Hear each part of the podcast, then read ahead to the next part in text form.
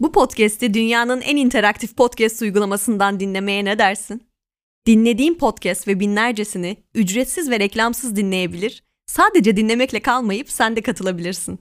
Podi şimdi App Store ve Google Play Store'da. Bence mutlaka denemelisin.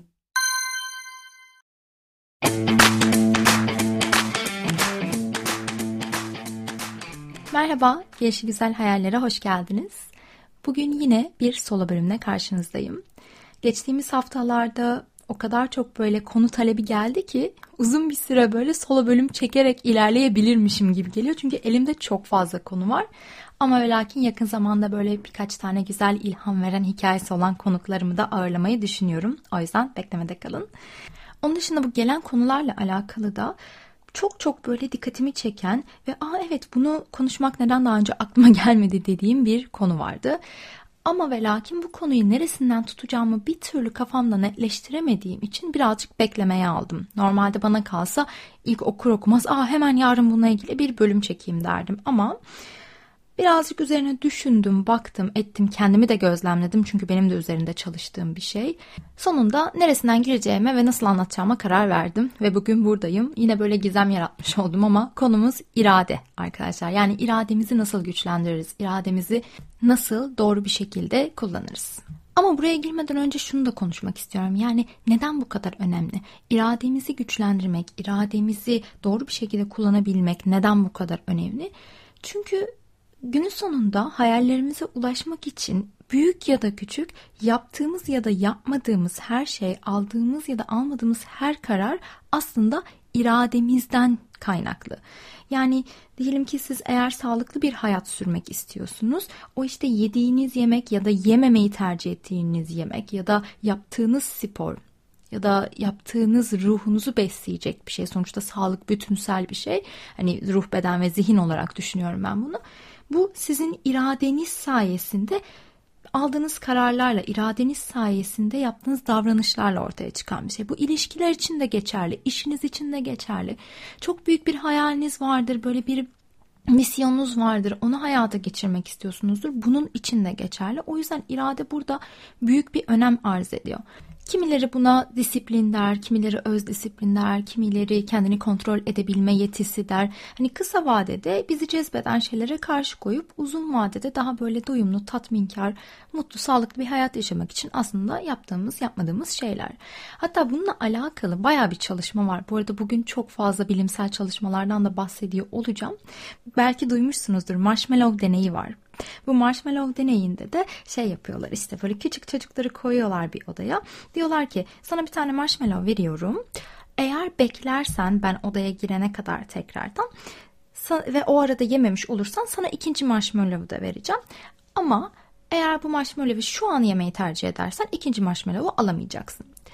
Bunun videosunu koyacağım. O kadar komik ki çocukları görmeniz lazım. Böyle yememek için başka tarafa bakıyorlar. Biri kokluyor, biri gidip yalıyor, bırakıyor falan. Neyse daha fazla spoiler vermeyeyim ama kesin gülmek garantili yani. Bunu böyle bu deneyi yapıyorlar. İşte tabii çocukların bazıları yiyor marshmallow'u, bazıları yemiyor. Ve bu marshmallow'u yemeyip ikinci marshmallow'u bekleyen çocuklarla alakalı işte belirli dönemlerde yine gözlem gerçekleştiriyorlar ve 30 sene sonra tekrardan bu çocukların hayatına odaklanıyorlar. Şunu görüyorlar.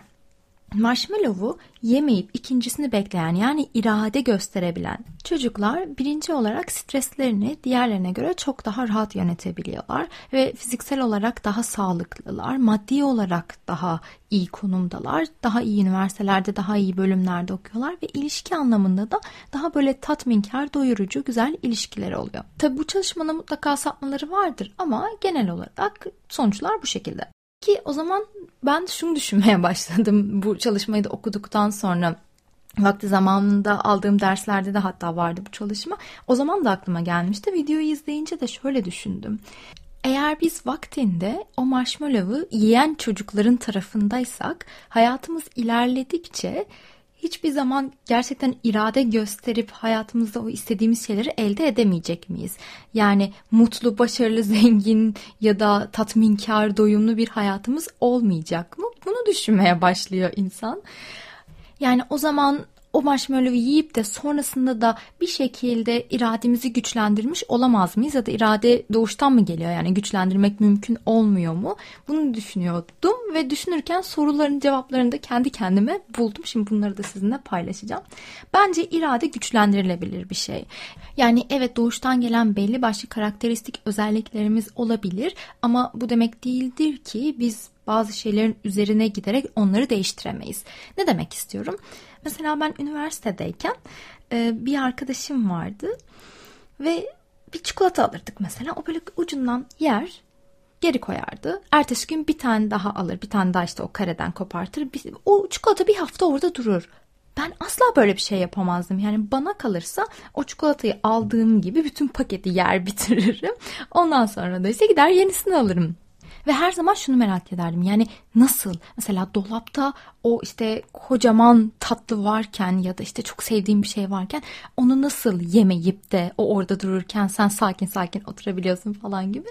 Hep merak etmiştim ama bu bölümü hazırlanırken de fark ettim ki ben de artık öyle yapıyorum. Ben artık elime geldiğinde bir çikolatayı anında bir oturuşta bütün paketi bitirmeden ayırabiliyorum. Hani irademi kontrol altına alabiliyorum. Bu arada yemek örneklerini veriyorum ama en kolayı bunlar olduğu için. Ama her anlamda yani işte spor olsun, duygusal ilişkiler olsun ya da işte para biriktirmek olsun, bir şeyi ertelememek olsun her anlamda bunun hayatıma yansıdığını fark ettim. Ve gözlemlediğim kadarıyla çevremdeki insanlarda irade gerçekten geliştirilebilir bir şey. Şimdi burada şöyle bir bakış açım var iradeyi güçlendirmek için bence birinci en önemli şey kendini tanımak. Hatta Aristo'nun bununla alakalı çok sevdiğim bir sözü var. Kendini bilmek tüm bilgeliğin başlangıcıdır diyor. Ben buna gönülden katılıyorum. Çünkü kendini bildiğin zaman kişisel farkındalığın artmış olduğu zaman sen aslında neyi neden yaptığını ve nasıl yapacağını daha iyi biliyorsun ve ona göre adımlar atmış oluyorsun. Şimdi bu noktadan alırsak da kendimize şu soruyu sormamız gerekiyor. Ben hangi durumlarda irademi kullanabiliyorum? Hangi durumlarda iradem güçlü? Hangi durumlarda değil? Mesela benim için şöyle işliyor. Ben bir karar vereceksem o verdiğim kararın bedenimde, zihnimde ve ruhumda yarattığı sonuçlarını bilmek kendimi ikna etmemi ve irademi de ona göre güçlendirmemi ya da doğru kullanmamı sağlıyor. Ne demek istiyorum? Hadi az önceki o çikolata örneğinden gidelim. Ama tabii çikolata çok masum bir şey. Benim genelde canım hep böyle yağlı, şekerli, bol karbonhidratlı şeyler çekiyor. İçinde çikolata da olmak üzere. Yani kısacası brownie. Neyse akşamları mesela bir şeyler izlerken ya da işte yemekten sonra canım tatlı çekiyor. Yani hepimizin çekiyor belli dönemlerde ya da sürekli olarak. Benim sürekli çekiyor çünkü. Ama e, akşamları onu yiyeceğimi bilmek şöyle bir şey de yapıyor. Diyorum ki şimdi kendimi ikna ediyorum. Ya Emine sen şimdi bunu yiyeceksin yatmadan önce. Zaten erken uyuyorsun ama bunu yedikten sonra kan şekerin fırlayacak bir süre sonra uykun kaçacak. Uykun kaçtığı için strese gireceksin. Strese girdiğin için daha da uyuyamayacaksın. Ondan sonra iki gıdım uykuyla sabah kalkacaksın. Hem yorgun olacaksın hem işini doğru düzgün yapamayacaksın. Hem mutsuz hani böyle modun düşük olacak. Ay ne gerek var şimdi bunu ben yarın sabah kalkınca yiyeyim diyorum mesela. Hani çünkü onun bu işte dediğim gibi bedenimde, zihnimde ve ruhumda o modumda yapacağı etkiyi bilmek beni buradan vazgeçirebiliyor. Ama şimdi hani bu bu, bu arada bunu her seferinde böyle yapmıyorum. Bunu böyle anlattım diye her olaya böyle yaklaştığımı düşünmeyin. Bir noktadan sonra o alışkanlık haline geliyor ve otomatikleşiyor tabii ama bunun arkasında bir tık daha derin bir şeyler var. Şimdi hangi kaynaklara baktı, bakarsanız bakın genelde şunları söylerler. İşte spor yapmak, işte sağlıklı yemek, meditasyon yapmak, mindfulness bunlar işte sizin iradenizi güçlendiriyor ya da işte sevdiklerine vakit geçirmek, doğada vakit geçirmek hep iradenizi güçlendiren şeyler. E tamam da e bunlar zaten irade gerektiren şeyler. O zaman irade gerektiren şeyleri yaparak nasıl irademi güçlendireceğim diye insan sorgulamıyor mu? Ben sorguluyorum şahsen. İşte bu sorgulamaya da bir cevap bulabilmek için bunun arka planına bakıyorum. Kendime ikna etmek dediğimden kastım budur. Arka planında da bunun ne var? Şimdi burada birazcık da bir bilimsel bilgi girecek. Ama en böyle sade haliyle anlatacağım. Bizim karar alma mekanizmamız. Sen bu podcast'i dinlerken ben çok uzaklarda olmayacağım. Hatta o kadar yakınım ki dinlediğin kısım ile ilgili ne düşünüyorsun merak ediyorum. Benimle paylaşmaya ne dersin? Dinlediğin bölümün altına sesli ya da yazılı yorumlarını bırakabilirsin. E tabi Podi'den dinliyorsan. Bunu yapabileceğin bir platform var biliyor musun? Bence mutlaka denemelisin. Podi, podcast'in sosyal hali. Bu alnımızın arkasındaki prefrontal korteks dediğimiz bir beynimizin parçası. Burası bizim karar alma, işte hedef koyma, o hedefe doğru ilerleme bunları yöneten kısım. Şimdi bu bizim prefrontal korteksimiz limbik sistem dediğimiz ilkel beynimizde bir alışveriş içerisinde. Bu ilkel beynimizin içerisinde de ne var limbik sistemin içerisinde? Bir tanesi amigdala dediğimiz duygularımızı yöneten. İkincisi hipokampüs dediğimiz bizim daha çok hafızamızı yöneten. Üçüncüsü de hipotalamus dediğimiz gündelik hayatımızdaki işte yemek yemek, su içmek, cinsellik gibi dürtüsel kaynaklı etkinlikleri uygun şekilde sürdürmek için gerekli fizyolojik işlemleri düzenleyen bir kısım. Şimdi bu hipotalamus şöyle önemli. Çünkü aynı zamanda bizim otonom sinir sistemimizden sorumlu. Otonom sinir sistemi dediğimiz şey de hani bizim böyle nefes alıp verme, kan akışını sağlama gibi temel hayati süreçleri yürüten bir sistem. Yani biz yaşadığımız sürece bilinçli olarak kontrol etmeye gerek olmaksızın bu sistem işliyor ki biz de hayatımıza devam edebiliriz. Böyle anlatırken bir yandan da şey gibi hissettim sanki üniversitede ders veriyormuşum gibi. Ama gerçekten yani çok böyle üstten anlatacağım. Çünkü bu noktaların çok önemli olduğunu düşünüyorum kendimizi bilme konusunda. Neyse bu otonom sinir sistemi de ikiye ayrılıyor. Birincisi sempatik sistem. En bilinen ismiyle kaç ya da savaş dürtümüzü harekete geçiren sistem. İşte korku, kaygı, duygusal gerginlik, stres, heyecan gibi durumlarda çalışıyor ve böyle acil durumlarda vücudun çok hızlı ve yoğun bir şekilde harekete geçmesini sağlıyor. Mesela ne bu? Karşıdan karşıya geçiyoruz. Üzerimize araba geliyor. O arada işte hızla koşmamızı sağlayan sistem bu sistem. Nasıl yapıyor bunda? Hani kan basıncı hızlanıyor, solunum hızlanıyor, göz bebekleri büyüyor. Hani duygusu, duyusal keskinliğimizi de arttırıyor ve vücudumuz bu sistemi devreye soktuğunda daha fazla yağ ve şeker salgılıyor. Bunu da bize enerji sağlayabilmek için yapıyor. Şimdi bu sempatik sinir sisteminin bir de kardeşi var. Parasempatik sinir sistemi. O da tam tersi. Biraz daha böyle dinlen ve sindir. Hani bu sakin olduğumuzda biraz daha mutlu olduğumuzda bu sistemin devreye girmesinden kaynaklanıyor. Şimdi bu iki sistem parasempatik sinir sistemi ve sempatik sinir sistemi kardeş kardeş uyumlu çalışmak durumunda ki biz normal hayatımıza devam edebilelim. Ama işte bu maalesef her zaman böyle olmuyor. Modern hayatın getirdiği artıların yanında eksi olarak da yüksek oranda bir stres var. Yani işimizle alakalı, eşimizle alakalı, yaşadığımız çevreyle alakalı.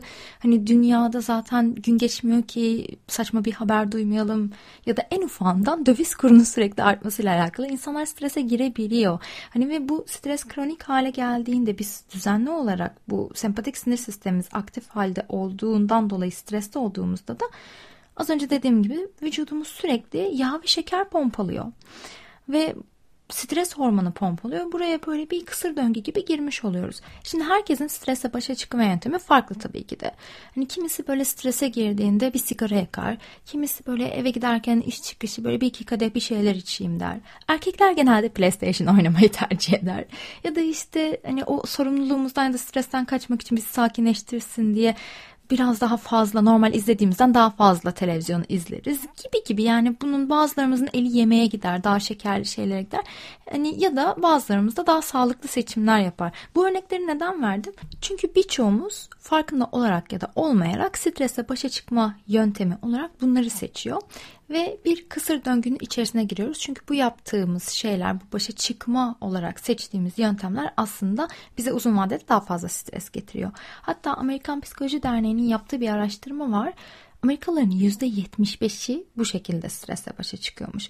Şimdi zurnanın zırt dediği yere geldik. Hani böyle hep stresle başa çıkmak için yapmanız gerekenler diye makaleler vardır ya işte meditasyon, mindfulness, yoga, spor yapın, yürüyüşe çıkın, kitap okuyun, müzik dinleyin, işte masaja gidin diye. İşte o kaynakların dayandığı noktalardan bir tanesi de burası. Yani bizim yapmayı seçtiğimiz bir aktiviteyle bu otonom sinir sistemimizi regüle edebileceğimiz, böylece kendimizi sakinleştirebileceğimiz. Hatta özellikle işte meditasyonla e, sakinleşme üzerindeki çalışmalar da buradan geliyor. Çünkü mindfulness meditasyonları özellikle hep böyle nefes odaklı olduğu için biz nefesimiz yoluyla bu sinir sistemini manipüle edebiliyoruz tabiri caizse. Bununla alakalı e, çalışmaları olan kişi de Rick Hansen, Wise Bulletin diye çok güzel bir aylık yayınladığı bülteni var. Mutlaka ki ona hani ilginiz varsa bu tarz konulara şey yapmanızı, subscribe olmanızı, abone olmanızı öneririm.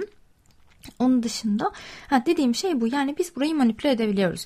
Peki Emine burayı yaptıktan sonra bunun karar almayla ya da iradeyle ne alakası var diyecek olursanız en başta dediğimi hatırlayın. Bu otonom sinir sistemimizden sorumlu olan kısım bizim beynimizdeki limbik sistemin içerisinde yer alıyordu ve bu limbik sistemde bizim karar alma merciğimiz olan prefrontal korteksimizle doğrudan konuşuyordu. Yani bir şekilde irademizi güçlendirmek istediğimiz zaman alacağımız kararlarda bir değişiklik yapmak istediğimiz zaman sakin kafayla stressiz bir şekilde aldığımız kararlar her zaman için istediğimiz şekilde irademizi güçlendirir. Hani bu bahsettiğim konular bu arada inanılmaz böyle çetrefilli konular. Hani bir yerine giriyorsun farklı bilgiler çıkıyor. Ben kendi araştırmalarım, derslerde öğrendiğim ve kendi yorumumla bunu bu şekilde anlattım. Bunu her alacağım kararda bu kadar derine gidip düşünmüyorum tabii ki de. Ama bir şeyi neden yapıyorum, niye yapıyorum bunu bilmek, zihnim ve bedenim arasındaki ilişkiyi anlamak, nasıl çalıştığını bilmek gibi şeyler kendimi ikna etmem konusunda, irademi güçlendirmem konusunda bana gerçekten faydalı oluyor. Hani bu konuyla alakalı eğer ki daha fazla böyle iradeyle alakalı daha doğrusu bir şeyler okumak isterseniz Kelly McGonigal diye birisi var. Bu kadının böyle Stanford Üniversitesi'nde profesör, psikolog bir kişi. Çok güzel e, konuşmaları ve kitapları var ve hatta The Willpower Instinct diye bir kitabı var. Baktım Türkçe'ye çevrilmemiş. O yüzden sizinle şeyi paylaşacağım. Aşağıda onun TED konuşmasını. Hatta onun konuşmasını da böyle sorularla düzenledikleri bir video daha var. Onu da paylaşırım. Çok hoşuma gitti. Ve Kelly McGonigal da şey diyor mesela. Diyor ki eğer ki iradenizi güçlendirmek istiyorsanız yapmamanız gereken şeylerden bir tanesi de öz eleştiriyi böyle hunharca negatif bir halde kullanmak. Yani öz eleştiri güzel bir şey ama bunu negatif derecede yaptığımız zaman işte kendimizi sürekli eleştirdiğimiz zaman, suçladığımız zaman ya da işte yapmamamız gerektiğini düşündüğümüz ya da irademize karşı koyarak irademizi kullanmadan bir şey yaptığımızda kendimize kötü davrandığımız zaman o iç konuşmamız, iç sesimizle bu bizi daha da demotive ediyor. O yüzden de hani irademize destek olmak istiyorsak aslında bir noktadan da kendimizle daha dostane bir şekilde ilişkimiz olması, kendimize daha sakin, yumuşak yaklaşmamız gerektiğini düşünüyorum. Kendimize dostane ilişki demişken bir kitap daha önereceğim. Son zamanlarda hiç bu kadar çok altını çizdiğim başka bir kitap olmamıştı. Wilhelm Schmidt. Umarım doğru telaffuz ediyorumdur. Wilhelm Schmidt'in e, kendiyle dost olmak Hayatı Nasıl Kolaylaştırır diye bir kitabı var. Çok beğendim. Kitap da incecik aslına bakarsanız 76-78 sayfa falan ama hani böyle her bölümü ikişer kere okudum ve dediğim gibi çok fazla not alıp altını çizdim. Bu konuda da destek olabileceğini düşünüyorum açıkçası. Neyse son kitap önerimde yapmışken yavaştan kapatalım. Çok teşekkür ederim beni dinlediğiniz için. Umarım faydalı olmuştur. Hani hem sizin için hem de eğer faydalı olabileceğini düşündüğünüz arkadaşlarınız, sevdikleriniz varsa paylaşmayı unutmayın. Ve bunu her seferinde söylemek istemiyorum ama Beni Spotify'dan takip etmeyi unutmayın. Yeni bölüm geldiğinde haberiniz olsun diyeyim. Kendinize çok iyi bakın. Sizi çok seviyorum. Görüşmek üzere bir sonraki bölümde. Podcast'i Podi ile daha keyifli hale getir. Reklamsız, ücretsiz ve etkileşimli bir podcast deneyimi için Podi seni bekliyor. Dinlediklerine sesli ya da yazılı yorumlarını bırak. İstediğin an kendi podcast'ini kaydet. Podi şimdi App Store ve Google Play Store'da. İndirmeli ve podcast'in sosyal halini mutlaka denemelisin.